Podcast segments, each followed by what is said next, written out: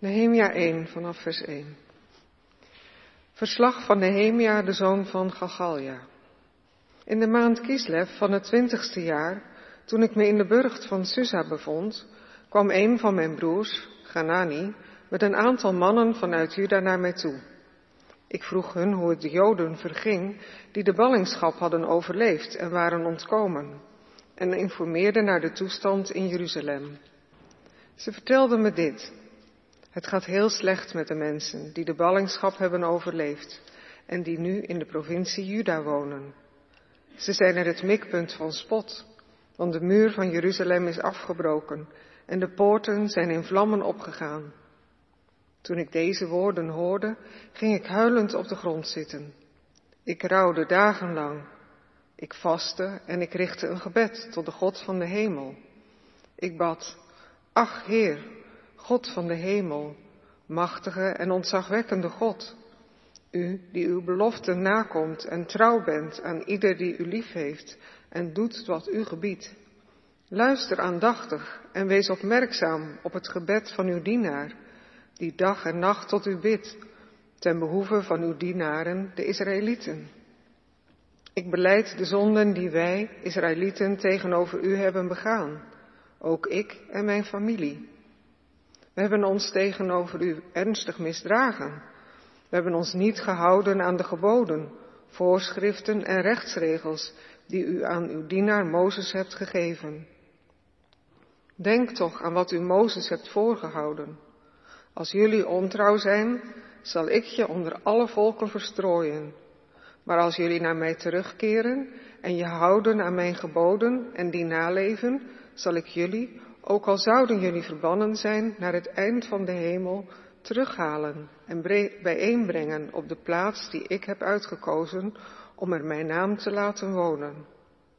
De Israëlieten zijn uw dienaren, ze zijn uw volk. U hebt hen door uw grote macht en met uw sterke hand bevrijd.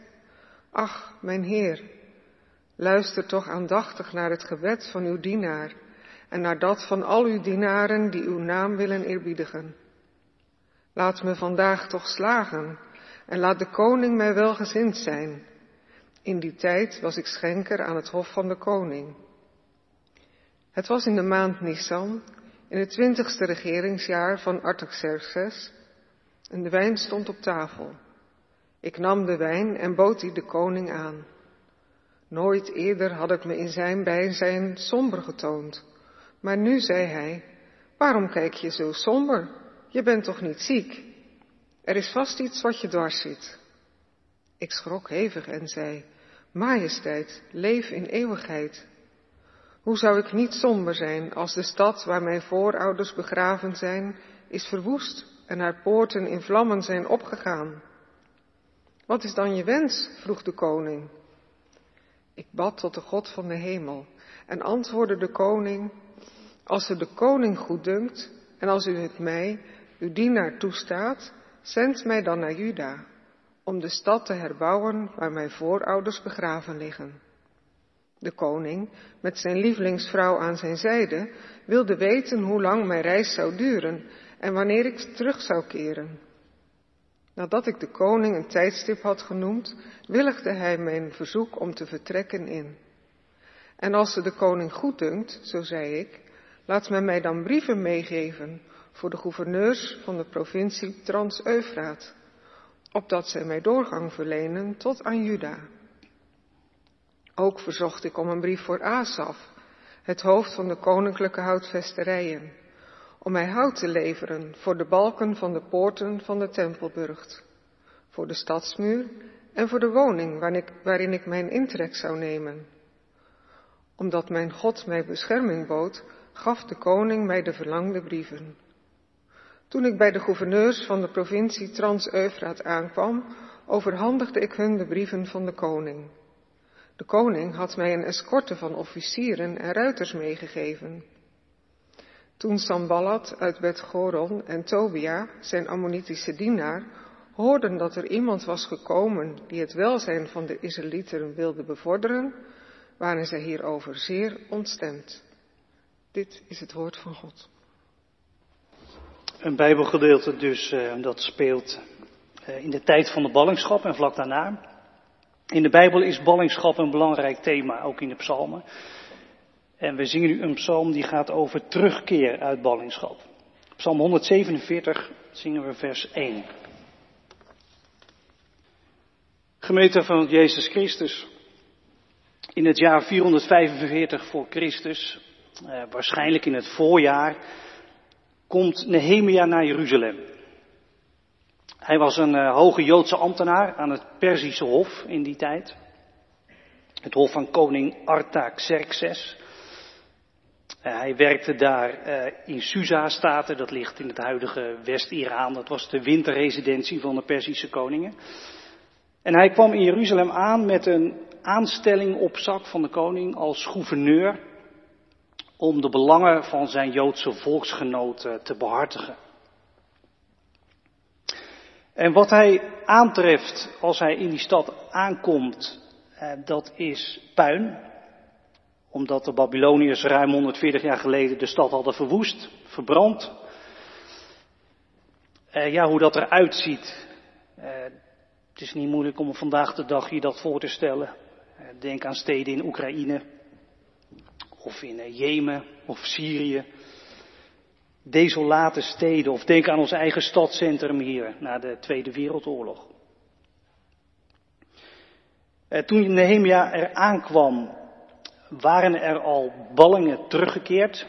Zo'n 80 jaar geleden was dat begonnen. Dat mensen terug mochten. En een bestaan gingen opbouwen in de provincie Judea. En een klein aantal gingen ook in die stad Jeruzalem wonen. En ze hadden de tempel weer herbouwd tempel van Salomo. Maar ja, niet in zijn volle glorie. Daar hadden ze materiaal niet voor. Dus die nieuwe tempel, die stond er wel, maar ja, het was hem niet echt, zal ik maar zeggen. En de meeste huizen, ja, die, die lagen gewoon nog in puin toen Nehemia aankwam. En stadsmuren waren er ook niet. Die lagen ook allemaal plat. dus veilig wonen, eh, dat zat er niet echt in. En Nehemia komt dus om de herbouw van de stad en de stadsmuren eh, ter hand te nemen. Echt een supergroot project. In hoofdstuk 3 lees je een verslag van hoe ze echt met man en macht eh, de boel gaan opbouwen. En niet alleen man en macht, je leest ook nog over iemand die met zijn dochters eh, staat te bouwen. Er wordt verteld dat, dat elke familie een bepaald stuk muur voor zijn rekening nam. Dus, dus in die hele stad waren allemaal families aan het bouwen, poorten aan het herstellen, weet je wel. En Nehemia die bouwt niet alleen aan de muur en de veiligheid, maar je leest in dat Bijbelboek eh, dat hij ook bouwt aan de identiteit van de mensen. Hij, hij vertelt hen wie zij zijn, mensen van God. En dat ze dat niet moeten vergeten. Eh, dat ze daar mee bezig moeten blijven. Nehemia bouwt aan geloof. Nou nam niet iedereen die bouwplannen van Nehemia in dank af. Eh, er zijn vijanden. De deportatiepolitiek van de Assyriërs en de Babyloniërs, die had er niet alleen voor gezorgd dat de mensen van Israël gedeporteerd werden naar eh, Babylonië, maar ook dat volken van andere gebieden eh, ook in ballingschap moesten, maar dan in Israël. Dus toen die ballingen terugkwamen, woonden daar in dat land allerlei mensen, al meer dan 100 jaar sommigen, die, die uit hele andere gebieden kwamen. Niet-Joodse mensen. En ja, die zijn niet blij met, met Joodse ballingen die terugkomen, die stadsmuren gaan bouwen, die een factor van betekenis gaan worden. Dus ze proberen dat te voorkomen. Je leest in dit Bijbelboek en ook het Bijbelboek Ezra, dat zit hiervoor. Eigenlijk hoort dat bij elkaar. Eigenlijk is het één Bijbelboek, Ezra en Nehemia. Je leest over intimidatie, over dreigenbrieven, eh, over omkoperij, over kwaadsprekerij. Uh, en ook wel over wapens. Uh, ze zijn bang voor, voor een aanval op de herbouw. Nou ja, dat is dus de situatie waarin Nehemia aan het bouwen is. En voor dat bouwen, dat kun je je voorstellen natuurlijk, was enorm veel nodig. Veel materiaal, maar ook veel denkwerk, logistiek, stedenbouwkundige planning, eh, planning voor huisvesting van teruggekeerde ballingen, die moest je opvangen, daar moest je een plekje voor hebben. Nou ja, wat, wat wij zien gebeuren in onze eigen stad, met mensen die als balling hier naartoe komen, dat, dat zag je daar ook. met de ballingen die dan in hun oorspronkelijke stad weer thuis kwamen. En daarbij dus ook de verdediging hè, van vijanden. Ze waren aan het werk met in de ene hand een speer en de andere hand eh, de, de troffel, zeg maar, om mee te metselen.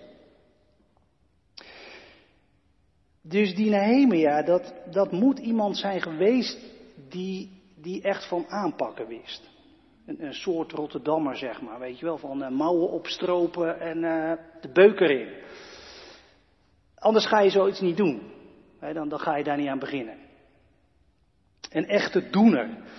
En daarom is het des te opvallender dat deze doener, deze bouwer, dat hij zijn avontuur begint met bidden.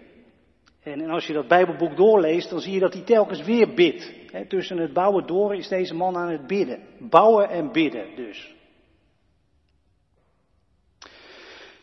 Ik dacht dat bouwen, dat, dat is misschien wel herkenbaar voor je. Wij mensen zijn eigenlijk altijd wel aan het bouwen. Soms ook aan het herbouwen.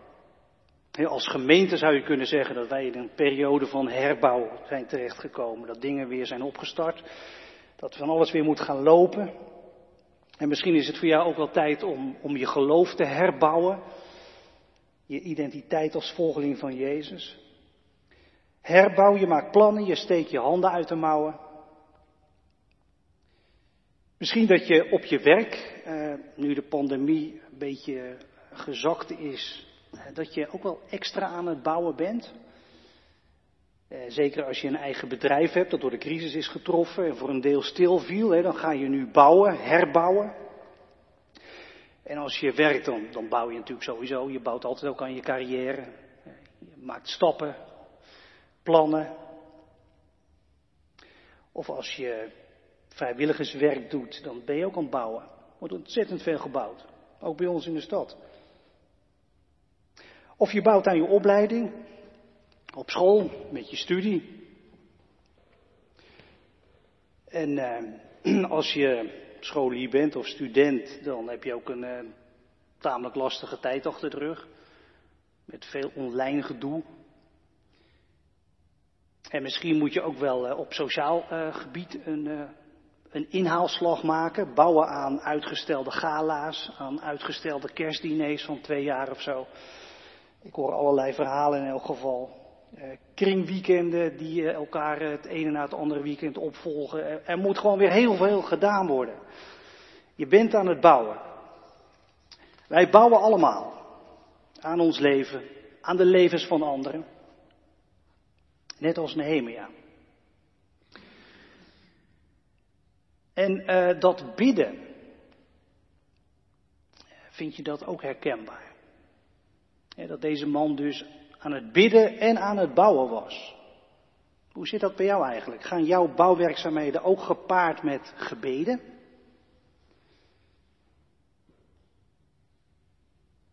En waarom zou je bidden tijdens het bouwen? Misschien als je tegen je taak opziet.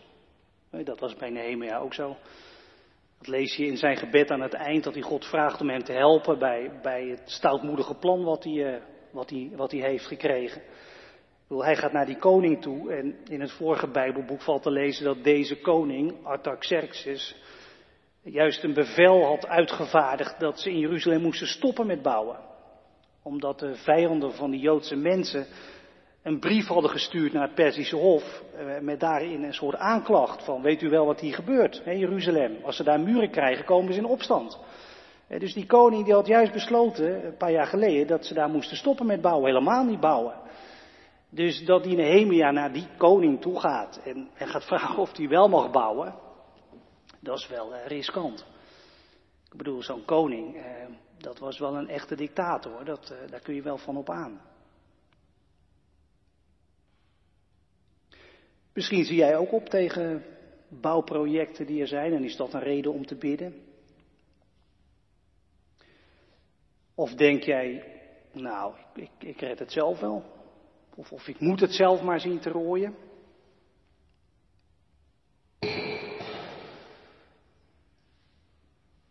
Hopen dat dat niet eh, herbouwd moet worden wat er nu omviel. Maar Eh, misschien dat je, dat je bij je bouwwerkzaamheden bidt als je eh, last hebt van vijanden. Daar lees je natuurlijk ook over bij die Nehemia. Ik weet niet of jij daar last van hebt.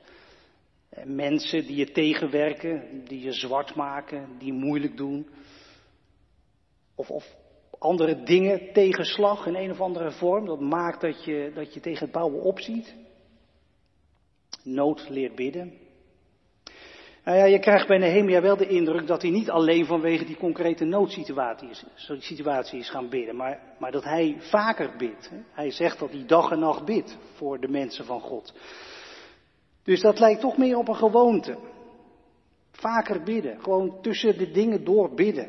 En, en in dat Bijbelboek zie je dat ook. Dat hij midden in alle hectiek telkens een gebed doet. Korte gebeden. Een echte bidder. Ik vind zelf biddag altijd wel een, uh, een moment om te kijken naar de plek die gebed inneemt in mijn eigen leven.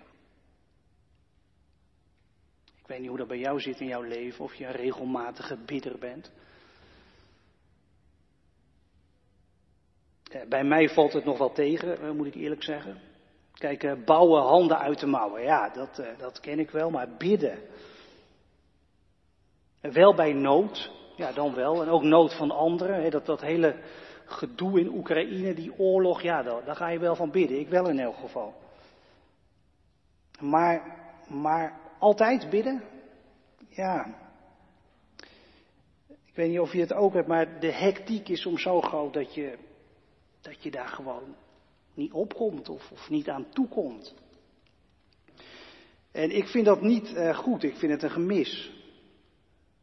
Mijn ideaal is eigenlijk om, om wel bidden te bouwen. Ik weet niet of je dat ideaal deelt, maar. Kijk, je kunt natuurlijk uh, je leven leven en, en, altijd maar aan de gang zijn. Maar je leven met God leven, uh, ook wel bewust, volgens mij geeft dat toch een heel ander leven. En dat, dat zul je toch ook wel een beetje herkennen, neem ik aan. Je zult toch ook wel eens tijden hebben dat je dat je vaak bidt. Of misschien ben je ook wel een echte bidder, net als Nehemia. Maar als dat, dat bidden als een rode draad door je leven loopt, het brengt je ook dicht bij God. En het houdt je dicht bij God. En, en ik geloof zeker dat je als mens ervan opbloeit als je, als je gewoon dicht bij God leeft. Toch een kind aan huis bent bij Hem. Laten wij ons vandaag uh, maar weer eens laten inspireren, zou ik zeggen, uh, om te bidden. Zeker door deze biddende doener, Nehemia. En door het gebed dat hij bidt. Uh, dat staat dus in hoofdstuk 1, hè, dat gebed. Ehm, vers 4, daar begint het. en dan eigenlijk bijna de rest van het hele hoofdstuk 1. Het is een lang gebed. Maar ik zou zeggen, verkijk je niet op de lengte van dat gebed. Eh, in de rest van dit Bijbelboek vind je eigenlijk vooral een soort schietgebedjes van de hemel. Ja, gewoon een, een paar regels, eh, zomaar uit de hectiek van het bouwen, weet je wel. Telkens een paar regeltjes. Want als je aan het bouwen bent, heb je ook niet altijd de rust voor een lang gebed. Lengte doet er ook helemaal niet toe. Eh, best kans dat dit gebed door Nehemia is opgeschreven in het Bijbelboek als een soort samenvatting van, van al die gebeden die hij bidt. Dus uh, de inspiratie hoeft niet door de, door de lengte te komen, zeker niet, maar door de inhoud. De inhoud van dit gebed. Uh, mij vielen een paar dingen op. Ik wil dat even met jullie delen. Paar dingen in dit gebed die opvielen. Het eerste wat, wat mij wel opviel is dat het een gebed is wat, wat een beetje formeel klinkt, zal ik maar zeggen. Ik bedoel, eh, niet, niet, haast een soort formuliergebed of zo. Allemaal allemaal zinnen die, die zo lijken weggelopen te zijn uit psalmen of uit andere bijbelgedeelten. Het, lijkt erop dat, dat Nehemia bestaande zinnen en bestaande elementen heeft geput uit teksten die hij kende. waar hij misschien mee was opgegroeid, die hij in zijn opvoeding had meegekregen, die hij misschien op de kleuterschool nog had geleerd. Of, of die hij kende uit de liturgie van diensten die hij bezocht, of, of bijbelgedeelten die hij las. En, en blijkbaar nu die in een noodsituatie gaat bidden, komen al dat soort zinnen in zijn hoofd opeens omhoog. En, en zet hij ze allemaal op een rijtje. Tot een heel gebed. Weet je, dat is helemaal niet gek. Om, om een soort voorraadje te hebben en, en aan te leggen van teksten die, die je leert, misschien wel letterlijk leert uit je hoofd of die je geleerd hebt. Teksten die op het moment dat je geen woorden meer hebt om te bidden, opkomen. Je hebt situaties dat je geen woorden meer hebt. En misschien als je het nieuws volgt en, en schrijnende verhalen leest van, van huilende kinderen en, en, en mensen in paniek, dat je ook geen woorden hebt eventjes om te bidden. En op zulke soort momenten kun je echt iets hebben aan, aan van die oude zinnen, of misschien nieuwe zinnen, van liederen uit de Bijbel, of, of van Zela, of uit opwekking, of weet ik waar vandaan, uit het nieuwste liedboek. Zinnen die, die het opeens zeggen, wat, wat jij van binnen voelt. In deze liturgie van vanavond zitten ook een paar van die klassieke liederen, Psalm 90, of het slotlied van deze dienst. Laat komen, Heer, uw rijk. Als we dat zingen, dat zijn ook van die zinnen die ertoe doen. Nou ja, dat is het eerste wat mij opviel. Een gebed wat, wat put uit de traditie. En ik zou zeggen dus, eh, ja, leer daarvan. Neem, neem ook iets mee uit de christelijke traditie om te bidden. En het tweede dat mij opviel, eh, dat is dat, dat er in dit gebed een aantal eh, klassieke onderdelen zitten, zou je kunnen zeggen, die je heel vaak in gebeden terugvindt. Bijvoorbeeld in psalmen. Het, het, eerste klassieke onderdeel waar ik het even over wil hebben, wat, wat, wat in dit gebed van Nehemia best uh, duidelijk aanwezig is, dat is schuldbeleiden.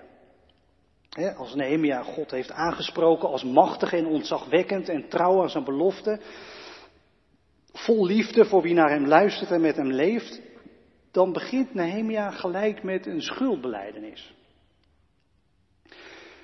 Ik weet niet of, of jij of, of u dat ook gewend bent in je gebeden om, om schuld te beleiden. Misschien ben je dat wel helemaal niet gewend. Maar als je, als je nadert tot God, hè, als je dicht bij God komt in je gebed, en, en je net als Nehemia eh, voor jezelf benoemt wie God is, dat je beseft wie Hij is, dan, dan zou het natuurlijk best eens kunnen zijn dat je, dat je in dat licht ook uh, beseft wie jij bent. En dat je op dat moment, als je beseft wie God is, uh, dat jou dan iets te binnen schiet uh, waarin je misschien God tekort hebt gedaan. Tegenover God bent komen staan door dingen die je deed. Misschien mensen naar mensen toe om je heen.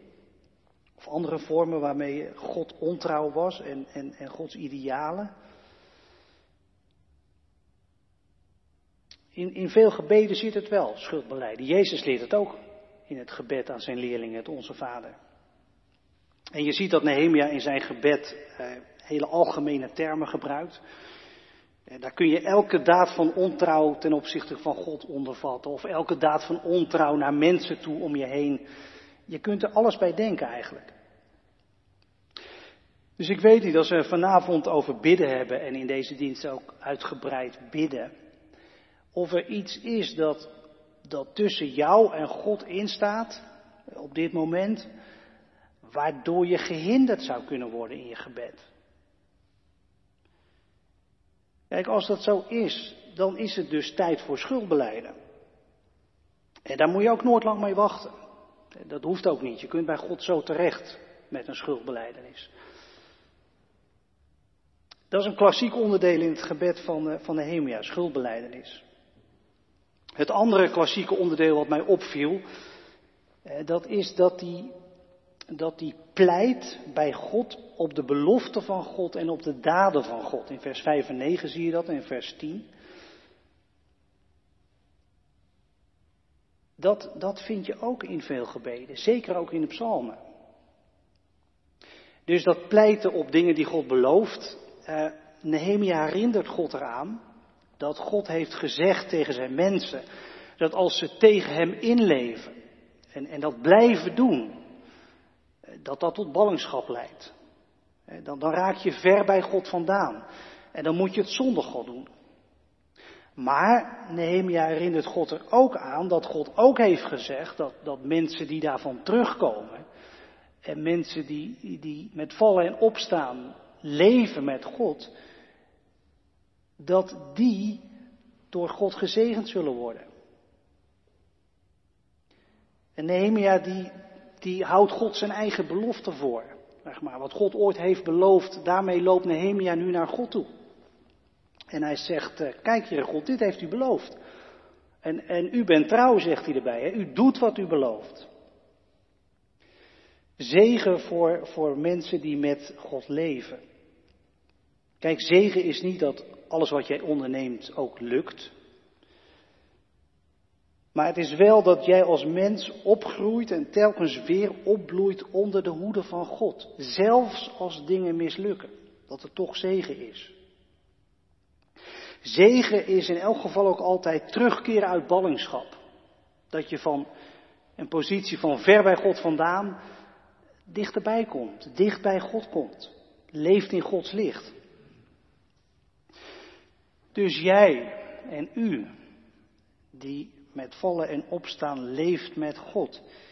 Jij kunt, je, kunt dat in jouw gebed dus ook doen. Dat je God zijn eigen woorden voorhoudt. Desnoods met een Bijbel in je hand. Dat je zegt, God kijk eens, dit heeft u beloofd. Zegen voor wie u zoeken. Dat u te vinden bent voor wie u zoeken. En dat je dan zegt, Heer God, ja, maak uw eigen woorden waar. Ook in mijn leven. Of in de levens van mensen voor wie je bidt. Nehemia pleit ook op de dingen die God heeft gedaan. Niet alleen op wat God belooft, maar ook op wat God heeft gedaan. En, en ook dat kun je doen als je bidt. Wat je dan doet, is, is eigenlijk dat je, dat je God voorhoudt wie Hij zelf is. Dat is natuurlijk eigenlijk vreemd. Natuurlijk weet God wie Hij is, maar, maar dat is dan wat je doet. Dat je tegen God zegt, u, uw naam is ik ben erbij. U bent altijd een bevrijder geweest voor mensen, hè? Dat, dat kun je ook zien in Jezus. Maak dat waar. Dat je God confronteert met, met wie Hij zelf is, hoe raar dat misschien ook klinkt. Dat je in je gebed zegt, dat bevrijdende werk van u, maakt dat af. In mijn eigen leven, in de levens van mensen voor wie ik bid, in, in deze wereld die van u is en waar zoveel aan de hand is, in gebieden waar oorlog is, je vraagt God om te zijn wie Hij altijd voor zijn mensen is geweest. Een God die er is. Die erbij is. Nou ja, dat, dat waren zomaar wat dingen die, die mij opvielen uit dat gebed van uh, Nehemia. Dus, dus dat je zinnen gebruikt die je ooit geleerd hebt in je gebed, als je geen woorden meer hebt. Dat je schuld beleidt als dat nodig is. En ook dat je, dat je naar God toe gaat met zijn eigen beloften en met zijn eigen daden. En, en dat je God daarop wijst en vraagt of hij zich eraan wil houden.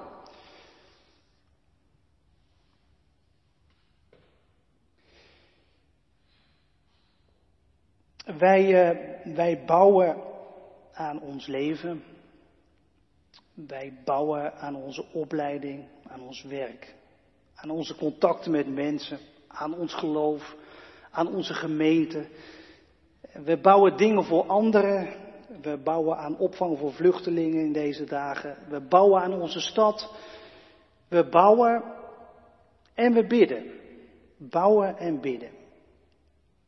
En er zal heus wel tegenstand zijn en tegenslagen. Maar wij, bouwers en bidders, we zijn niet zonder troost. Daar wijst de naam van de Hemia ons nog op. Zijn naam betekent de Heer troost of getroost door de Heer. Vandaag worden wij ook getroost door God in deze dienst. Door zijn aanwezigheid. Door zijn luisterende oor naar onze gebeden. Als wij straks bij hem brengen wat er allemaal bij ons speelt. Dan troost hij ons door er te zijn en te luisteren. Hij hoort je. Hij hoort je. We bouwen en we bidden. En dat doen we vol hoop, want uiteindelijk verwachten wij een stad waar God de bouwmeester van is. Een stad die, wij, die wij niet zelf kunnen bouwen, maar die God bouwt. Een stad zonder puin, zonder luchtalarm. Een stad zonder vluchtelingen. Een stad waarin je geen tankbarricades nodig hebt, waarin er geen raketten op een huis vallen. Een stad waarin wij mensen het niet meer nodig vinden om zo ontzettend voor onszelf te leven. Omdat in die stad Gods aanwezigheid zo levendig is, dat je geen behoefte meer hebt aan, aan al die gerichtheid op jezelf. Een stad waarin wij zelf geen kwaad meer doen. Omdat de liefde van God dat gewoon onmogelijk maakt. Je wilt het niet meer. Het gaat niet meer. Een stad zonder angst. Zonder vijandige mensen. Een stad zonder vijandige somberheid of vijandige ziekte. Een stad zonder verdriet. Een stad waar God de fundamenten van legt. Om die stad bidden wij vandaag. Amen.